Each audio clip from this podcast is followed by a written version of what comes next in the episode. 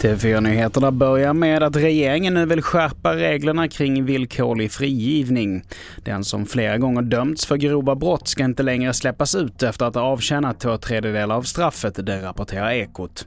Dessutom tillsätts en utredning som också får i uppdrag att se över skärpta straff vid upprepad grov brottslighet där livstidsfängelse ska finnas med på straffskalan.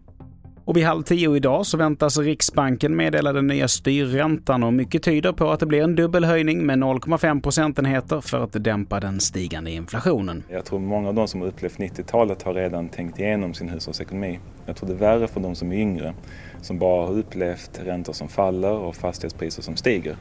De tror jag inte alltid har tänkt igenom det här att man kanske kan få en bolåneränta på 5-6 procent. Eh, så det de yngre man ska vara mer orolig för än de äldre. Och här hörde vi Fredrik N.G. Andersson som är docent i nationalekonomi.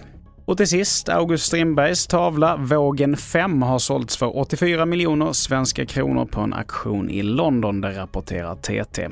Enligt uppgift ska det vara det högsta pris som ett svenskt konstverk sålts för och vem som köpt tavlan, det är okänt. Fler nyheter hittar du på tv4.se. Jag heter Mattias Nordgren.